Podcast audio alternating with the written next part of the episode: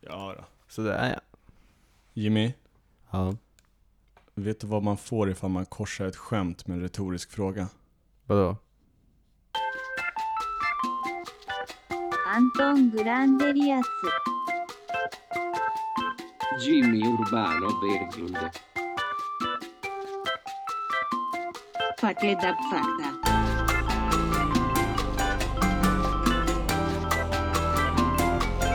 Fakta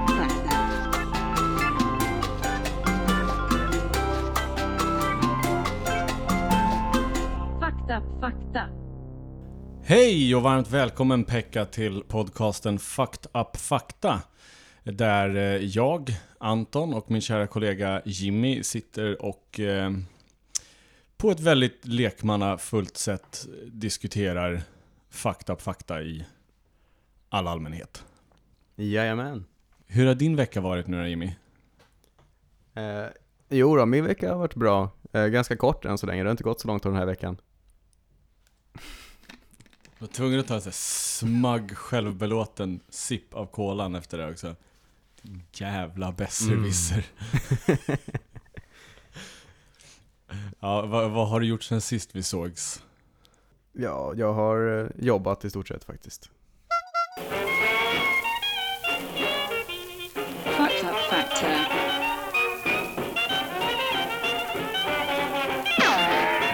Vet, visste du att honung aldrig blir gammalt? Ja, det visste jag faktiskt. Fuck you. Du ska säga nej och så ska du låtsas om. Visste du att honung aldrig blir gammalt? Va? Nej. Det är nämligen så här. eh, Jag läser från en artikel på Illustrerad Vetenskap vid namn Kan honung hålla för evigt? Ehm, Och där står det, och jag citerar. Om honung förvaras i en kruka med tättslutande lock så att fukt inte kan tränga in kan den i princip hålla för evigt. Den obegränsade hållbarheten beror på en kombination av högt sockerinnehåll, låg vattenhalt och speciella enzymer. Också, eh, fun fact, när Howard Carter öppnade Tutankhamens grav 1922 så fann han en förseglad kruka med honung som efter 3000 år fortfarande var ätlig. Oj vad intressant Visste du att honung är giftigt för småbarn? Nej, det visste jag inte. Eh, tydligen så är det en eh, kemisk reaktion som händer när man äter honung. Som kan vara skadlig eh, för småbarn. Eller som är skadlig för småbarn. Aftonbladet säger, eh, aftonbladet.se Spädbarnsbotulism heter det. Är sällsynt men kan ha dödlig utgång om det inte behandlas. I Sverige avråder Livsmedelsverket från att ge honung och majssirap till barn under ett, ett år. Men då är det, då är det små, små barn. Det är inte typ femåringar. Få tag på honungsburken.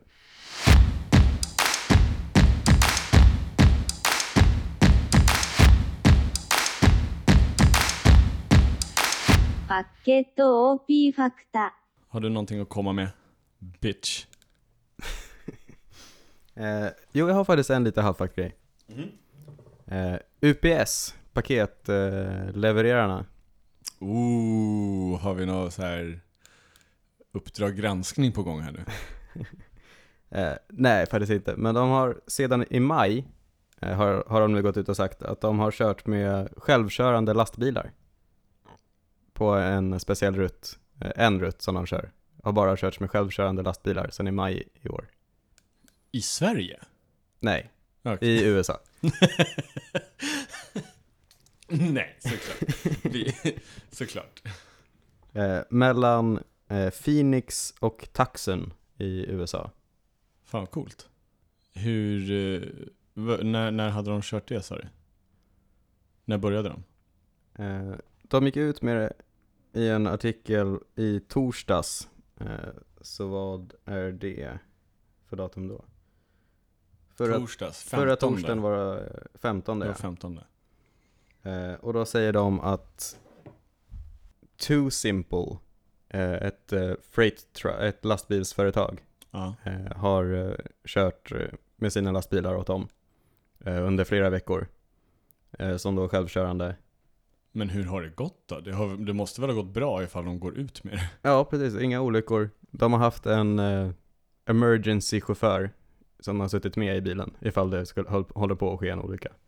Ja, okej. Men de ska tydligen inte ha behövt trycka in. Nu till något helt annat. Ja, hur har din vecka varit då? Åt helvete. Jag hade svårt att sova efter att vi senast satt och spelade in podcast.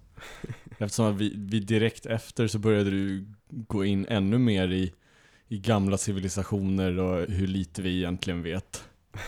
Så eh, jag gick hem och hade svårt att sova. Det var en liten existentiell kris. Jag fick en smått existentiell kris. Idag höll jag på och, jag, jag har hållit på att städa hela dagen idag. Trevligt, trevligt. Ja, eller eh, smått i alla fall. Eh, jag håller på att försöka... Uh, Nej men jag fyller ju år i helgen va? Lite party på. Just det. Sådär, va? Så det nej men jag har hållit på att städa lite.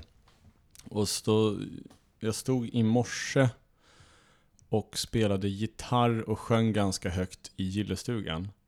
Och jag var ensam hemma så jag sjöng väldigt högt och skrek. Och så märkte jag i hörnet eh, av gillestugan, högst upp i rummet, i taket, så bara plötsligt började det röra sig. En enorm, alltså enorm spindel. Den var lite mindre än min hand. Ja, fy fan. Och den började, den började klättra ner. Och så slutade jag spela och då märkte jag att då stannade den upp. Så fortsatte jag. Och så började den klättra ner igen. Och det, det som var underligt med det här var att... Eller jag, jag, det, det här hände ju. Sen gick jag upp, skulle lyssna, laga lite mat och lyssnade som vanligt på, ehm, på Anders och Måns podcast eh, Så funkar det. Mm. Och ganska intressant. Nu, nu, ska jag sno, nu kommer jag sno lite av deras fakta som de har kommit med här. Men, eh, nej, men de pratade om just spindlar och spindlars hörsel. Mm. Och att spindlar... Och nu, nu, nu kan jag... Vet, vet du hur... eh, Vet, har de bra eller dålig hörsel tror du? Jag kan tänka mig att de har ganska dålig hörsel. Man, ja, Att de känner mer vibrationer och så. man kan tänka sig att det är så det ligger till. Men det är det absolut inte. Mhm. Spindlar kan tydligen höra upp till 3-4 meter. Mm. Vilket för en spindel är svinlångt. Ja. Så jag vet inte, jag tyckte det var lite speciellt att direkt efter det här så lyssnade jag på det. Så Ja. pratade de om precis det. Jag, jag, jag stod där och så tänkte jag bara, hör den här spindeln verkligen mig? Kan det verkligen vara så? Och direkt efter så pratade de om det.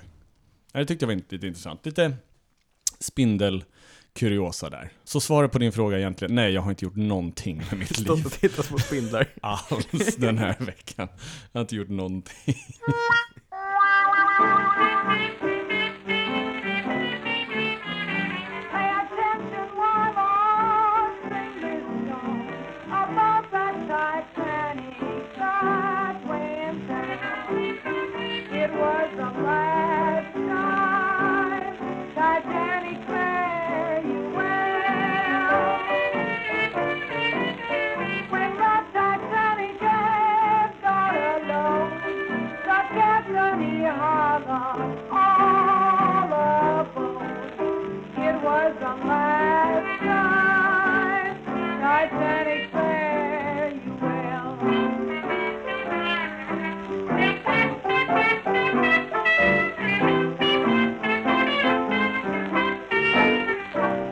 Jag ska berätta en... eh, Jag kan, jag kan ta en liten eh, fucked up fakta för dig. Mm. Kör på. Visste du? Nej, jag tänker inte börja. Jag tänker inte ens fråga dig. För du vet säkert redan det här. Men jag gör så här istället. Nordkorea har en skuld till Sverige på 2,7 miljarder kronor. Åh fan. Du visste inte det? Nej. Inte jag heller. Det var väldigt intressant. Ehm, jag, jag har läst det här ifrån eh, en artikel på SVT Nyheter som heter Nordkoreas skuld till Sverige. Ehm, det är nämligen så att Nordkorea beställde 1974 1000 Volvo-bilar och inom situationstecken eh, och, och jag citerar en rad andra artiklar. Mm. Vilka artiklar det är säger de inte. Däremot, med tanke på att Sverige är världens största vapenexport och har varit det sedan 50-talet, Mm. hoppas jag verkligen inte att det är värre saker än Volvo-bilar som vi har sålt till dem. Ehm, men, men det står att Nordkorea beställde 1000 Volvo-bilar och en rad andra artiklar av Sverige till ett värde av 600 miljoner kronor. Inte en krona är betald. Och skulden ligger nu idag på 2,7 miljarder. Ehm, och det var nämligen så, när Koreakriget tog slut 1953 så hade svenska företag stora förhoppningar på att man skulle kunna göra affärer med Nordkorea. Och, sitter du ner? Ehm, Sverige erkände i april 1973 Folkrepubliken Nordkorea och var då det första västerländska landet som gjorde detta. Mhm. Mhm. Ehm, varor beställdes och levererades. Betalades aldrig. Nej, men de, de svenska företagen som inte fick sina pengar eh, de pressade den svenska regeringen till aktion vilket så småningom ledde till att Sverige blev det första land som upprättade en ambassad i Pyongyang. Förlåt, i Pyongyang. Nordkoreas huvudstad Ja. i Nordkorea. Sverige var det första landet som erkände Nordkoreas folkrepublik och placerade en ambassad i landet. Allt på grund av att vi sålde skit till dem och, inte, fick, tillbaka betalt. pengarna. Känner du dig stolt över moder Svea? Ja, så, så neutrala.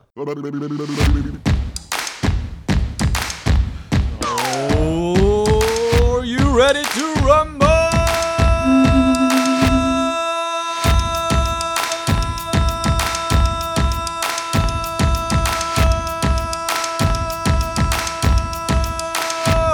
Snabba frågor. Snabba frågor. Okej, sorry, det är du som ska få. Yes, lite snabba frågor. Snabba frågor. Hur mycket bandage an- använder man för att linda in en mumie? Liksom om man sträcker ut alla I bandage, meter, hur, alltså? långt, eh, hur långt är det? Ja men i meter.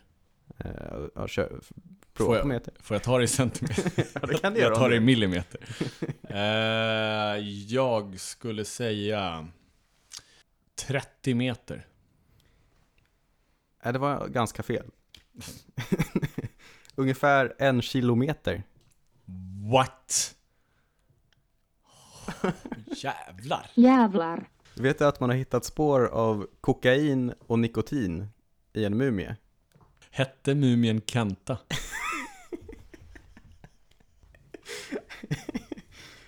Nej men i, i en riktig mumie som man öppnade, hittade i en sarkofag Ja. har man hittat spår av kokain och nikotin. Jaha, men va- varför? Finns det någon... eh, Den måste ha fått i, alltså den måste ha fått i sig det när den lever, tror man. Jaha, så de är... Ja, jag, jag tänkte att det var liksom någonting de använde för att packa in honom i eller något sånt. Nej, han måste ämnen, ha liksom. fått i sig det medan han levde. Okej, så han har knarkat det medan han levde? Ja, så han har varit i Sydamerika medan han levde. De plantorna fanns bara i Sydamerika på den tiden. Så, men, men vadå, så antingen... Men vad är teorin då? Är, är teorin... An, för teorin måste ju vara att antingen så har han varit i Sydamerika Eller så hade de handel Sydamerika, mellan- eller, ja men precis, hade handel med Sydamerika Eller så måste kanske att det växte i Egypten förr i tiden? Ja, fast man tror inte att det kan ha växt De tror inte det? Nej, man tror att de måste komma från Sydamerika. Men man tror samtidigt inte att någon kunde resa över eh, så långa vattenresor. Så det är ett mysterium. Men det är ju det som eh, Det var ju det som Kontiki handlade om ju, kommer du ihåg det? Ja, precis. För det är ju... eh, Att de reste åt, åt Men- andra hållet, från Oce- Oceanien mot... Ja, och men var, var det Tor Heyerdahl, hette han det? Ja, det Det tror var jag. väl Tor Heyerdahl? Nej, nu ska vi googla så att inte jag säger fel. Um, Tor... Ja, men visst var det det. Tor Heyerdahl. Mm. För det var ju han som var övertygad om att um, Kanarieöarna fungerade som handels... Ja, eh, som sista stoppet innan eh, Amerika. ja. Och att man eh, hade det som handels... Och man vet väl att det är folket som bodde i eh, eh, Nya Guinea och Nya Zeeland. Ja, Att det är de människorna som upptäckte eh, Påskön och gjorde statyerna där och Ja, det där är inte jag påläst om. Så, men så att de också har rest över Atlanten. Ja. Eh, ja. Jag ska säga, det, det är jag som ska svara, men du är otroligt dålig på snabba frågor. Okej, här då. Snabba frågor. Ja, Vad är det för skillnad på en latte macchiato och en kaffe macchiato? Uh, oh, macchiato. Jag kan inte sånt här skit. Jag dricker bara svart kaffe. Jag är en sån där grinig gubbe som tycker att det ska vara, det ska vara svart kaffe och inget annat. Kan inte ha en jävla skit i. Apropå det, ska du ha lite mer kaffe? Jag vill ha rent svart kaffe utan skit i. Det vill jag ha, ja. Tack. Eh, ja, skillnaden är ju att det är mjölk i latte macchiato. Ja, precis. I en latte macchiato är det mycket mjölk och lite kaffe. Ja. I en kaffe macchiato är det mycket kaffe, lite mjölk. Ah, okej. Jag tror, jag vet inte vad macchiato innebär. Nej, jag vet inte heller riktigt faktiskt. Snabba frågor. Hur många flygplatser finns det i hela världen? Eh, 5612. Är det ditt slutgiltiga svar? Inte när du frågar det. För det var skitdåligt. Då, då vill jag ändra mitt svar till eh, 20 612. 44 000. 44 000? Mm, tydligen. Jävlar, jag tänkte nästan sänka. Finns det så många flygplatser? Men då räknar de alla små flygplatser också såklart. Eller alltså, Ja, alla i världen. Alltså bara säga små flygplans... Kanske inte pri alltså privata. Det står, hur många flygplatser finns det i hela världen? Okej, det, var, det var mycket. Jag kommer Mm. klippa bort allt eftersnack om det här. Snabba frågor. Kan du nämna ett djur som regelbundet äter sin egen avföring? Ehm, ett djur. Kanin. Hare. Ja, båda var rätt. Ha, hund. Nej, Nej, okej. fast det har man ju sett. Ja, ja, men regelbundet. Men Ja. det, ja. Hare, kanin, marsvin, ko och råtta, står det som svar. Snabba frågor. Okej, kommer du ihåg eh, filmen eh, Inception? Om jag kommer ihåg Christopher Nolans mästerverk Inception. Hur lång tid tar ett handlingsförlopp som tar fem minuter i drömmen i verkligheten? Fast på riktigt. Så jävla dålig stil av dig att sätta mig mot väggen så här. eh, var, varför låtsas jag ens om att jag ska tänka som om jag vet det här? Jag har ingen aning. Fem sekunder gissar jag på. Nej, på riktigt så drömmer man i realtid. Fem minuter i drömmen är fem minuter på riktigt. Snabba frågor. Vilket är världens mest kända ord? Oh! Den här kan jag. Den här kan jag faktiskt. Det här har jag läst. Det är okej. Okej. Egentligen världens kändaste förkortning. Ja. Det var rätt va? Ja. Yes! Yes! Jag äger, jag äger, du suger, jag äger. Du hade inga rätt förra veckan men jag hade ett rätt nu. Snabba frågor.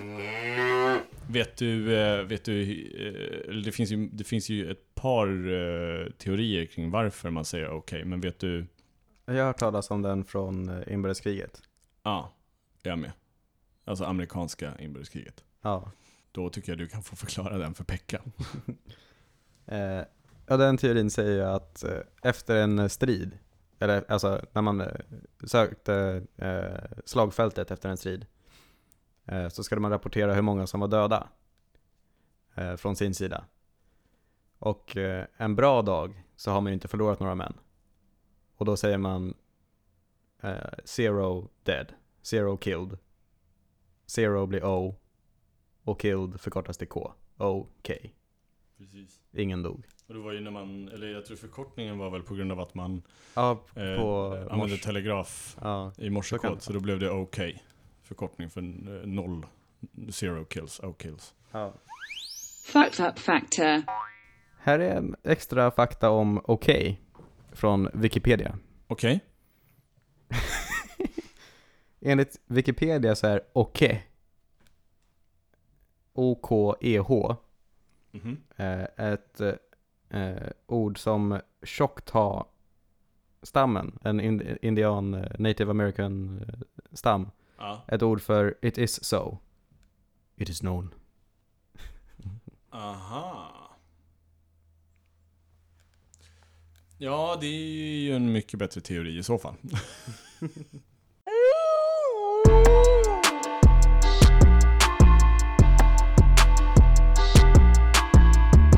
att prata.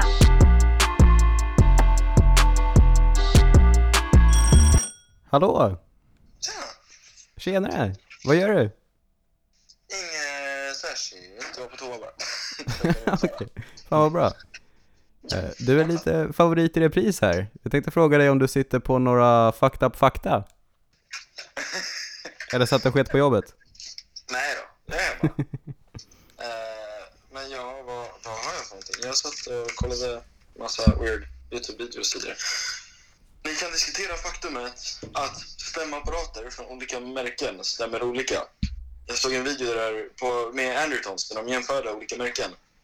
Och Mm. de hade så här... Uh, alltså när, de stämde direkt efter varandra och sen så började de ändå så här stämma upp och ner massa. Så att om man har ett band med olika stämapparater så blir man avtrunden varandra. Det är så här det går när man ringer en basist. Men det, är där, det har man ju vetat lite grann. Det är därför vi brukar stämma med samma eh, stämapparat när vi spelar i band. Ja, men sh, det hade jag. Felix, det där var värdelöst. Nej, men jag vet inte, vad för typ av grejer har ni snackat om so far? Allt möjligt. Och ingenting. Jag kan diskutera Pickle Rick. Pickle Rick! Åh nej.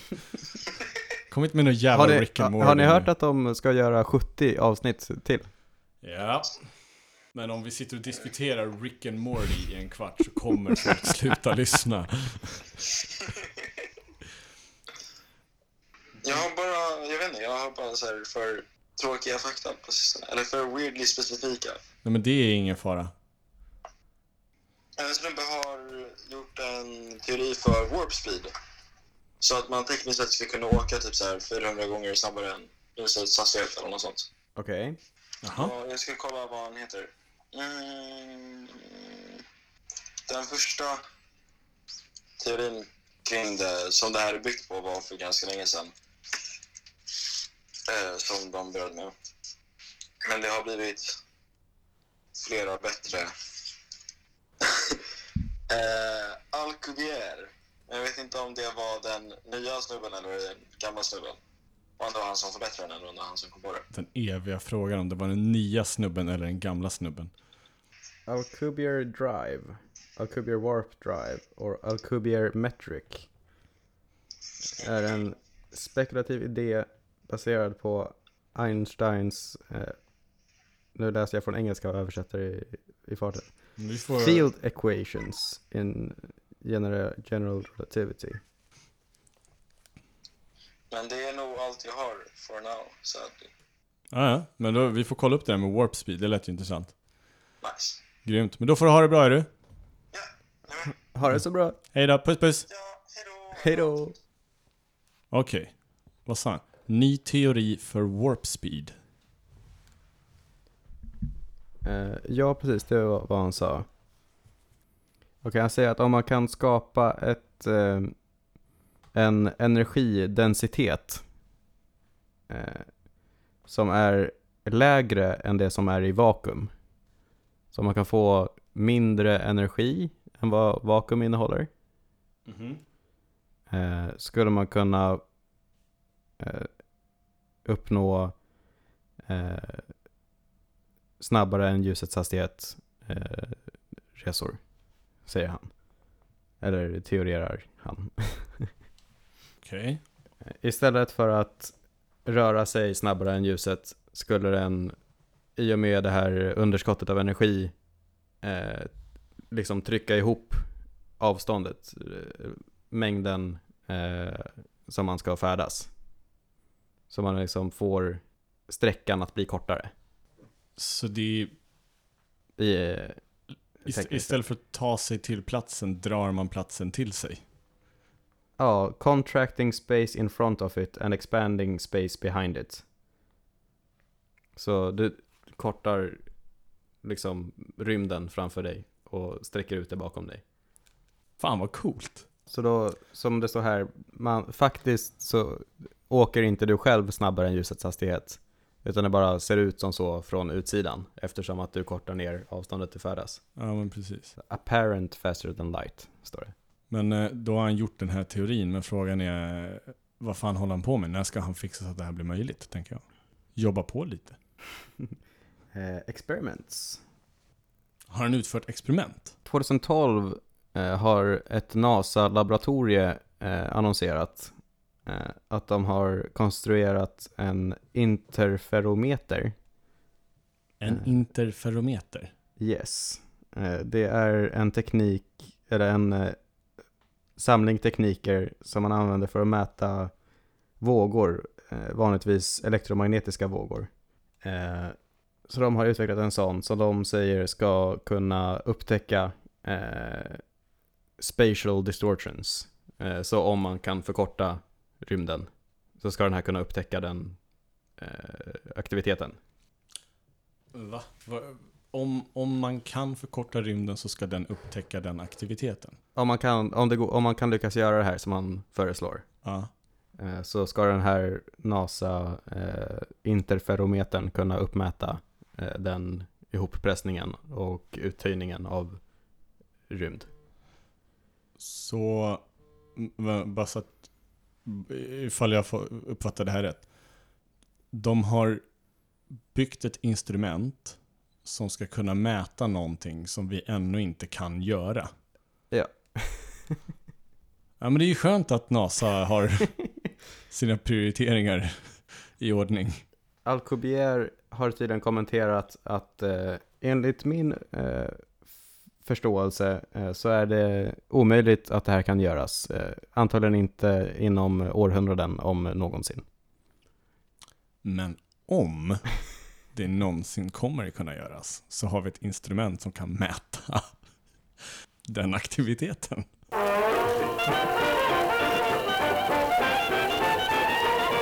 Det är så som eh, sedan eh, 1975 är det så Warp Drive har fungerat i Star Trek. Det är så man förklarar att deras Warp Drive fungerar i serien. Så de var före honom med teorin alltså? Ja, den här teorin eller något liknande fanns inte när eh, man började beskriva Warp Drive i eh, Star Trek. Eh, termen Warp Drive kommer från en bok som skrevs 1931 som heter Islands of Space och det är därifrån Star Trek fick den termen. Okej. Och 1975 beskrev Star Trek att det, att det fungerar genom att man kortar ner avståndet man ska färdas. Så 20 år efter att det har gjorts i en tv-serie kommer en, en forskare ut och säger Hej, jag har en teori. Den låter lite som Star Trek, men, men hear me out. Det här är otroligt. Jävlar rätt.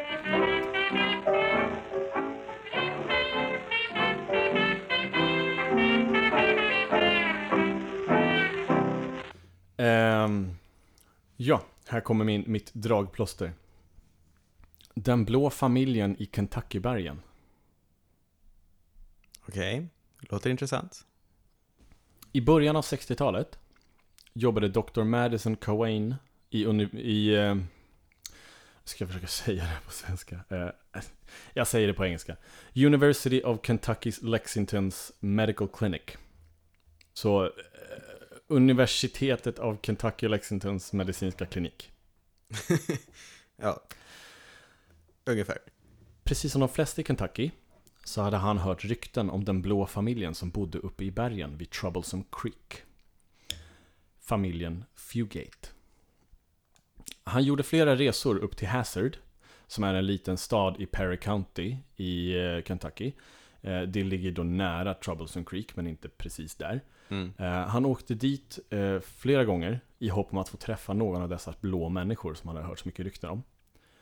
När han kom till en hjärtklinik i Hazard så träffade han där Ruth Pendergrass, en sjuksköterska som själv hade mött en blå kvinna på kliniken och sedan dess försökt dra uppmärksamhet åt den ovanliga sjukdomen som kvinnan hade.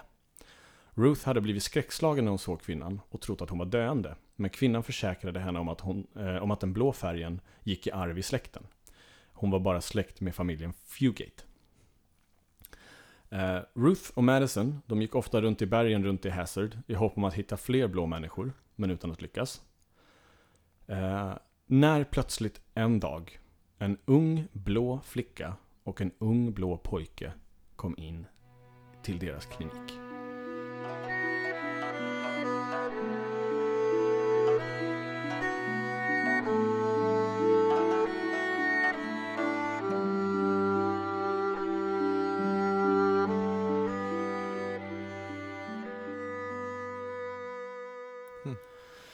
Ehm, vi ska backa lite. Det här var, 19, det här var på 60-talet. Vi ska nu backa eh, till 1800-tal. Martin Pettis Fugate var en föräldralös pojke som flyttade till Kentucky från Frankrike. Han gifte sig med Elizabeth Smith och de slog sig ner i en liten by som hette Troublesome Creek cirka 1820. Både Martin och Elizabeth hade en ovanlig sjukdom som kallas, är du redo nu? Methemoglobinemi. jag har övat. Och jag är ganska säker på att jag ändå sa det där fel. Ehm, Både Martin och Elisabeth hade denna ovanliga sjukdomen. Det här var en sjukdom som innebar att man har underskott av en viss protein i blodet som bryter ner methemoglobin till hemoglobin. Hemoglobin är ju då den protein som man har i röda blodkroppar. Och det är Mm. det som då färgar våran... Gör blodet rätt. Det är blodet rätt, precis. Ehm, Elisabeth, eh, hon var blek, men Martin var väldigt synligt blå. Mm. Eh, denna sjukdom är otroligt ovanlig, speciellt genetiskt. Det, är väl, alltså det, det finns, d- den är ovanlig bara att få, men den är ännu mer ovanlig att du får genetiskt. Okej. Men den är ärftlig. Eh, alltså, eftersom att både Elisabeth och Martin hade den här sjukdomen, så fick eh, av deras sju barn så blev fyra helt blå. Eh, och, och när jag säger blå, då menar jag alltså blå-lila. De såg ut som att de eh, alltså, blivit strypta. Det var liksom, Mm. De såg syrefattiga ut. Som kalla läppar.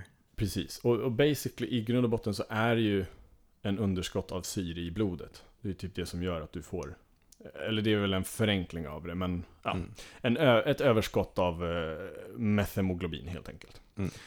Ehm, så, då, då börjar jag tänka, Kentucky 1820, inga vägar, knappt. Jag Mm. tror knappt några vägar alls, speciellt inte ut i Troublesome Creek där de bodde. Um, järnvägen till, eh, den, den nådde inte Hazard förrän 1910-talet. Med andra ord, det var ganska svårt att ta sig ut i världen. Mm. Ehm, och inte så pass ovanligt i små byar under 1800-talet. Incest var inte ovanligt. Ehm, den här blå genen, alltså, man, man blandades bara i den här byn. Det var inte ovanligt att du gifte dig med din första kusin. Ehm, det, en av the Fugates har till och med gift sig med sin moster vid ett tillfälle. Mm. Ehm, så den här blå genen, den bara fördes vidare och vidare. Med andra ord, den här familjen Fugate hade den här blå genen som gick i arv under hela 1800-talet och eh, ända fram till 60-talet då. Mm. Eh, the Fugate var blå. Ehm, de här blå människorna i Troublesome Creek, de blev snart ganska välkända i området. Eh, och man accepterade dem. Eh, men, ju mindre världen blev, desto jobbigare tyckte de yngre generationerna det var att vara blå. Eh, och man såg, eh, de, de yngre generationerna såg den här eh, blåa genen som bara ett tecken på eh, incest. Eh, På incesten som var inom familjen. Ja. Och man skämdes eh, över att vara blå. Och det är då vi kommer till den unga pojken och den unga flickan.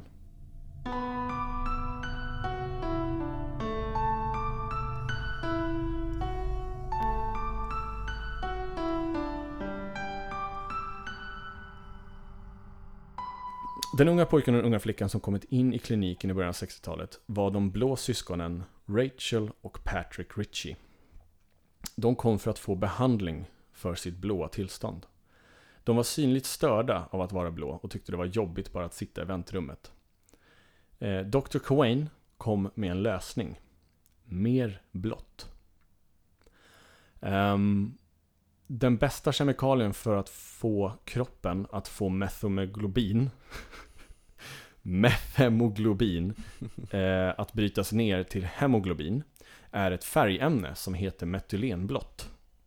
Okej. Med andra ord, de in, de, eh, så det de gjorde då var att de injicerade Rachel och Patrick med detta.